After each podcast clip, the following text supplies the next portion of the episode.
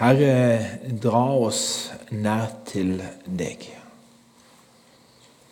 Hold alltid fast i oss, Herre.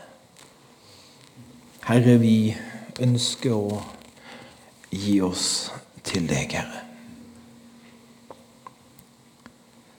Takk, Herre, for at du vil. Takk for at du vil være sammen med oss. Takk for at du alltid vil være nær oss, Herre. Lovet være ditt navn, Jesus. Amen. Fint å være her sammen med dere igjen, og fint å være i Misjonskirka. Jeg heter Torleif Brusland. Bakgrunn som pastor i Misjonskirka. Ikke akkurat her i Porsgrunn, men i Skien litt, og Bryne og Narvik. Stedet hvor jeg har betjent menigheten. Da eh, jeg ble spurt om å tale denne søndagen, var det ei bibelfortelling som ble stående veldig klart for meg. Og det var teksten om Stefanus. Og Skal jeg sette et enkelt tema ut ifra teksten, så må det være perspektiv. I disse dager med uro i verden, krig i Europa, flyktningkrise, økende priser i landet vårt, så er det lett å endre perspektiv. Fokuset endres. Tidshorisonten vår forskyves. Og inntrykkene er ganske mange. I løpet av de siste ukene har jeg sett mer på nyheter enn det jeg har gjort på mange måneder. Jeg må vel kunne si at fokuset på nyheter ligner mer på våren 2020 enn noen annen tid i mitt liv. Kanskje tenkte vi at nå var koronatida over og vi kunne senke skuldrene litt. Men det var ikke mer enn at de fleste nasjonale tiltakene, koronatiltakene, var over. Så økte spenninga mellom Russland og Ukraina. Og Russland satte i gang invasjonen, og krigen var i gang. På veldig mange vis så vil jeg si at vi lever i ei krevende tid. Og krevende tider har for min del alltid ført til at jeg har blitt litt mer nærsynt. Og jeg regner med at kanskje du kan kjenne deg litt igjen i den beskrivelsen. Og jeg må, når jeg sier nærsynt, så må jeg utbrodere det litt. Men det å være nærsynt mener jeg at jeg forholder meg mer til de ting som kommer nært til meg. Jeg mister litt av vidvinkelen. Blir mer opptatt av nåtid enn framtid. Jeg blir mer opptatt av hva som omhandler meg og mine i første omgang, og mister litt av det store bildet som også omhandler andre. På et vis så er det vel antakelig godt det er en menneskelig, normal menneskelig reaksjon. Vi greier ikke å ta inn så mye på en gang. Og mengden av det som kommer inn, er så stort at det er ikke helt plass til det som skjer, mer enn det som skjer her og nå. La oss vende tilbake til Stefanus og historien om ham. Det var nettopp den historien som nevnt som kom fram for meg da jeg fikk vite at jeg skulle tale her i dag. La oss lese fra Apostelens gjerning kapittel 6 og versene 8 til 11. Stefanus var full av nåde og kraft og gjorde store under og tegn blant folket. Da sto det fram noen fra synagogen som ble kalt synagoge for frigitte, og for kureerne og aleksandrinerne. Sammen med jøder fra Kilikia og Asia begynte de å diskutere med Stefanus. Men de kunne ikke stå seg mot den visdom og ånd som han talte med. Da fikk de i hemmelighet forleda noen til å påstå vi har hørt ham si spottende ord mot Moses og mot Gud. Stefanus var da akkurat blitt diakon i kirka i Jerusalem. Det var viktig å få valgt noen som kunne ha omsorg for de fattige og sørge for at alle ble likt behandla og hadde nok å leve av. Det fantes ikke Nav, det fantes ikke livsforsikring, etterlattepensjon eller sosialhjelp. Menigheten tok seg av dette ansvaret på samme måten som tempelet i Jerusalem hadde gjort det samme i jødedommen. Det var en viktig del av samfunnsbygginga.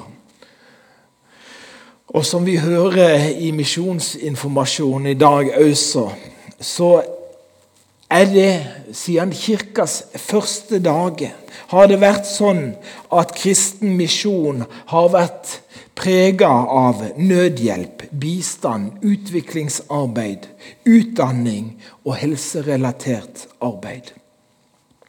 Hadde det ikke vært for kirka og for misjonen, hadde vår verden sett helt annerledes ut. At vi i dag i Norge og mange andre land har et helsevesen og har et godt utbygd utdanningssystem, er takket være kirka. Kirka starta det hele. Og så har nasjonale myndigheter etter hvert tatt over ansvaret for driften.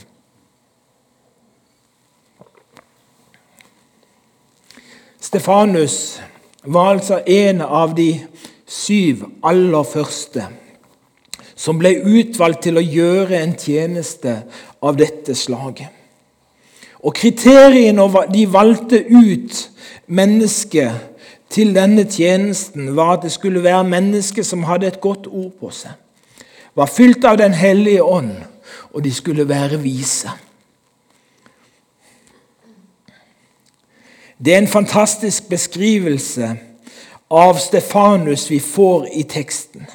Stefanus var full av nåde og kraft og gjorde store under og tegn blant folket.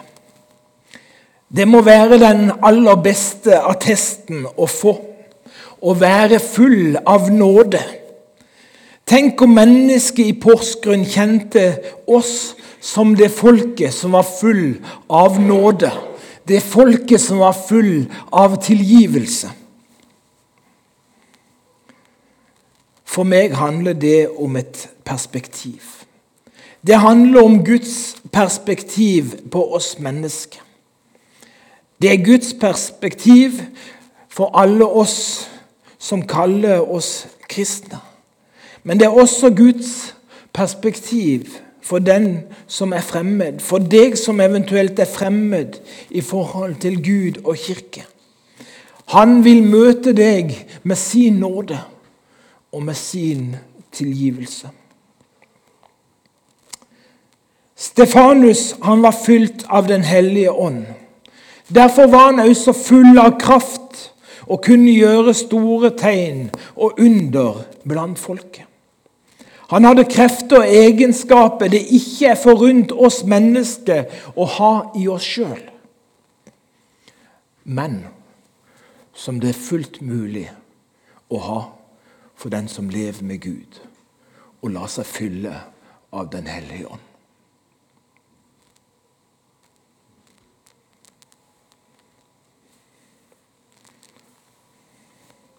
Det jeg stopper opp med når det gjelder Stefanus, er hans evne til å beholde et større perspektiv.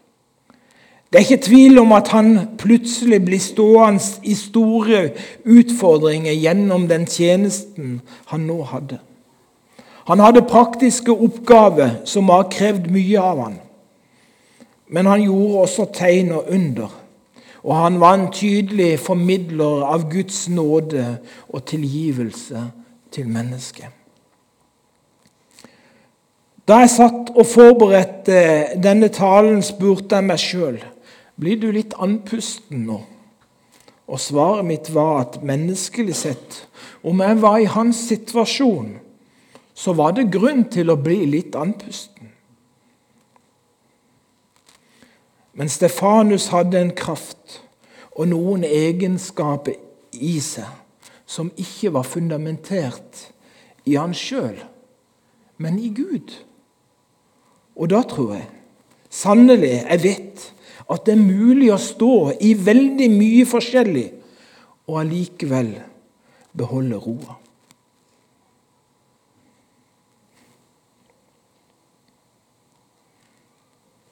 I de siste ukene og månedene har regjeringsmedlemmer, stortingspolitikere, stått i en mediestorm. De har blitt konfrontert med handlinger og valg de har gjort, og det har fått konsekvenser for deres politiske liv og arbeid. Vi kan nok forestille oss litt om hvordan det må være for dem, og jeg misunner ingen av dem å være i en sånn posisjon. Stefanus han ble konfrontert med det han hadde sagt og gjort. Og I tillegg ble det også framsagt falske påstander om han. Eller fake news, om du vil. Det kunne også vært tatt ut av dagens mediebilde.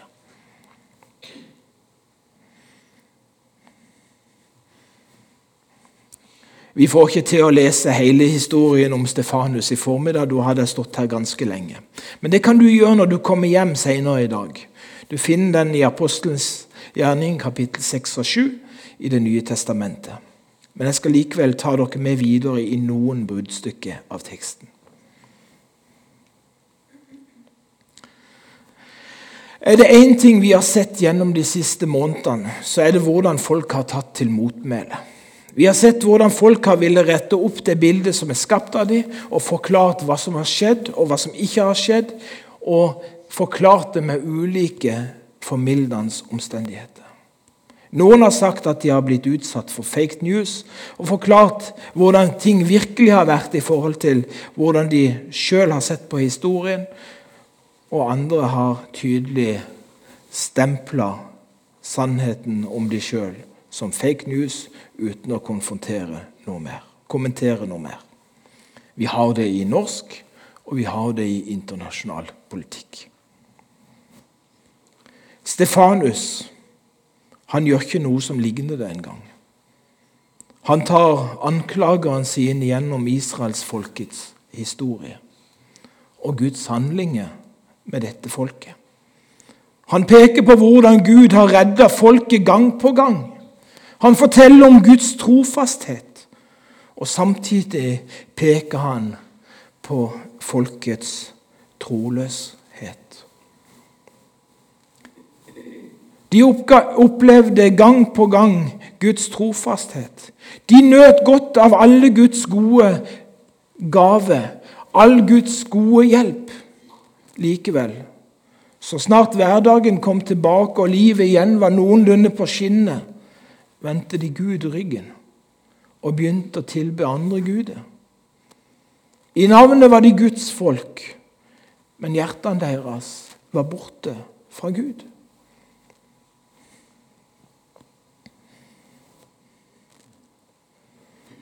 På Stefanus' tid så var det nylig mange mennesker som hadde vendt tilbake til Gud. Døperen Johannes hadde ledet mange mennesker til tro. Og denne Johannes han pekte på Jesus som frelseren. De nøt alle godt av Guds gode gjerninger gjennom Jesus. Blinde hadde fått syn igjen. Døve hadde fått hørselen. Lamme fikk full førlighet. Døde sto opp igjen. Og sånn kunne jeg fortsatt. Likevel så var det en folkemengde som på langfredag sto i Jerusalem. Og de ropte 'Korsfest, korsfest'.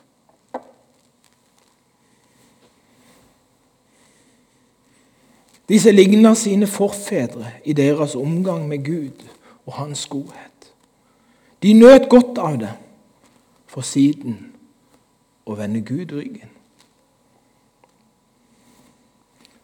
Stefanus var ikke opptatt av egen situasjon, men han var opptatt av det store perspektivet, nemlig at Jesus var sendt til jorda for å bringe frelse til disse menneskene. Til alle mennesker. Og nå var muligheten der for de til å vende om og begynne å leve sammen med Gud. Stefanus han kunne begynt å fortelle hva det var han gjorde, og hva han ikke hadde gjort. Men i stedet for så vender han tilbake til det han opprinnelig hadde som oppgave. Å gjøre tegn og under og formidle Guds nåde og tilgivelse til menneskene.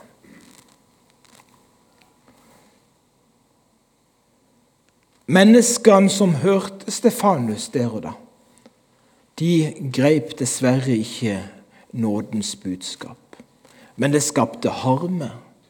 Det skapte sinne. Ja, endog raseri. Det står at de ble så sinte at de begynte å skjære tennene. Kan dere se det for dere? Stormen som Stefanus faktisk sto i. Kan vi sette oss inn i hans situasjon? Kanskje er det ikke så lett å gjøre det. Men det er enkelt å forstå at det var mildt sagt vanskelig.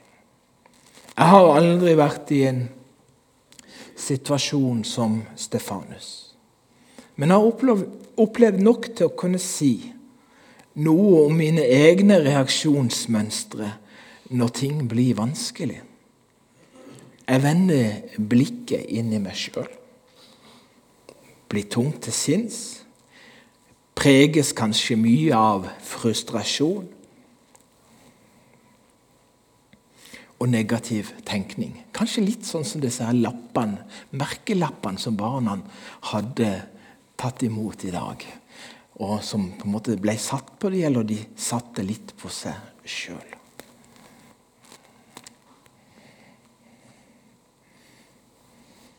Det blir rett og slett en litt sånn depressiv tenkning. En depressiv tilstand som jeg også kan gå inn i. Vende blikket inn i meg sjøl. Miste det store perspektivet. Gang på gang i teksten og under ulike situasjoner står det at Stefanus var full av nåde. Og sist, men ikke minst, han var fylt av Den hellige ånd. På bakgrunn av disse forklaringene, eller skal vi si disse forutsetningene, så handler, så taler, og så utstråler han noe som er helt annerledes enn det mennesket i lignende situasjoner kanskje ville ha talt om, eller hvordan de ville ha reagert. Nøkkelen synes altså klar.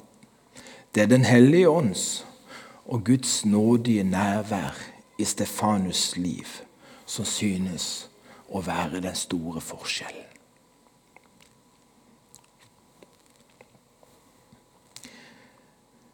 Vet du at å leve sammen med Gud og oppleve Den hellige ånds fylde, det er noe som også er tilgjengelig for deg og meg i dag i den stormen, i de vanskelighetene som vår verden står midt oppi, så er Gud til stede, og han strekker ut sine hender til oss.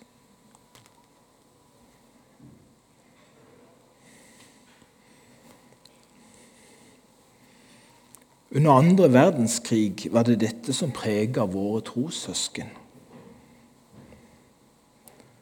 Kirke, bedehus, misjonshus ble konfiskert. Pastor og prester ble fengsla om ikke de fulgte okkupasjonsmaktens pålegg. Men kirka den hadde likevel vekst i de dager. Mennesket kjente på uro og utrygghet, men fikk likevel fred i hjertet. Den freden er også tilgjengelig for deg og meg i dag og i dager som ligger foran oss. Uansett hvordan de dagene kommer til å se ut.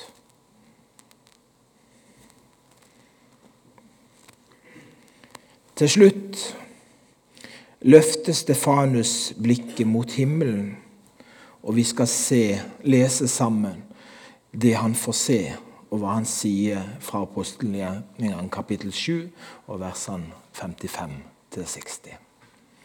Men Stefanus var fylt av Den hellige ånd og retta blikket mot himmelen, og der så han Guds herlighet og Jesus stå ved Guds høyre hånd.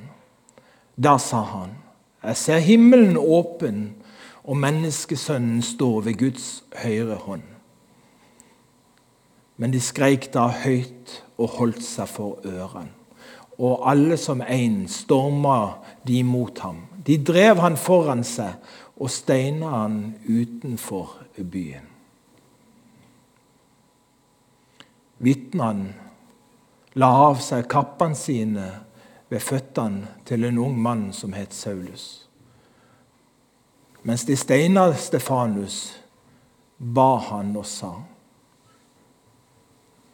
Herre Jesus, ta imot min ånd.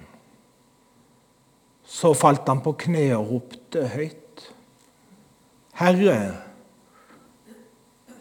tilregn dem ikke denne synden.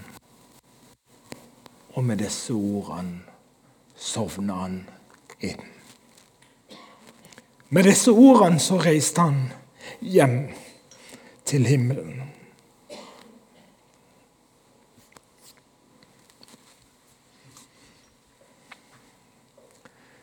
Nåde. Tilgivelse. Et større perspektiv. Guds perspektiv er til alle mennesker, til alle tider, nåde og tilgivelse. Utstrakte hender i en pressa tid og i gode dager. Og han kaller oss til å leve i dette fellesskapet med han. Og være også hans utstrakte hender med nåde og tilgivelse. For mange år siden så hadde jeg kontakt med en muslim her i byen. Vi hadde mange, flere samtaler, og en dag så sier han til meg Det som skiller dere og oss, han sa da, han som muslim og meg som kristen, eller vi som kristne, så sa han det. Det som, det som skiller oss, det er at vi har hevnen og vi har gjengjeldelsen. Dere har nåden og tilgivelsen. Ja. Og så er ikke poenget å si hva andre er opptatt av. Men det som er viktig, er at vi skal vise nåden, og vi skal gi, vise tilgivelsen. Det er det som skiller oss. Og det er det som bringer mennesket hjem til Gud. Det er nåden og tilgivelsen. Vær fylt av nåden, vær fylt av tilgivelsen, vær fylt av Den hellige ånd. Og la oss ha blikket festa på Jesus. Og jeg tror det holder. Jeg vet at det holder i gode og i onde dager. La oss be sammen. Takk, Jesus, fordi at du er trofast. Takk for at du er med i gode og onde dager. Takk for at vi kan stå i gode og onde dager og holde oss oppreist. Fordi at du gir oss den kraften vi trenger til det. Takk, Herre. Lovet være ditt navn. Vi ber Jesus om at mange mennesker skal få se at du kommer med nåde og med tilgivelse gjennom din kirke, gjennom din menighet. Vi ber i Jesu navn. Amen.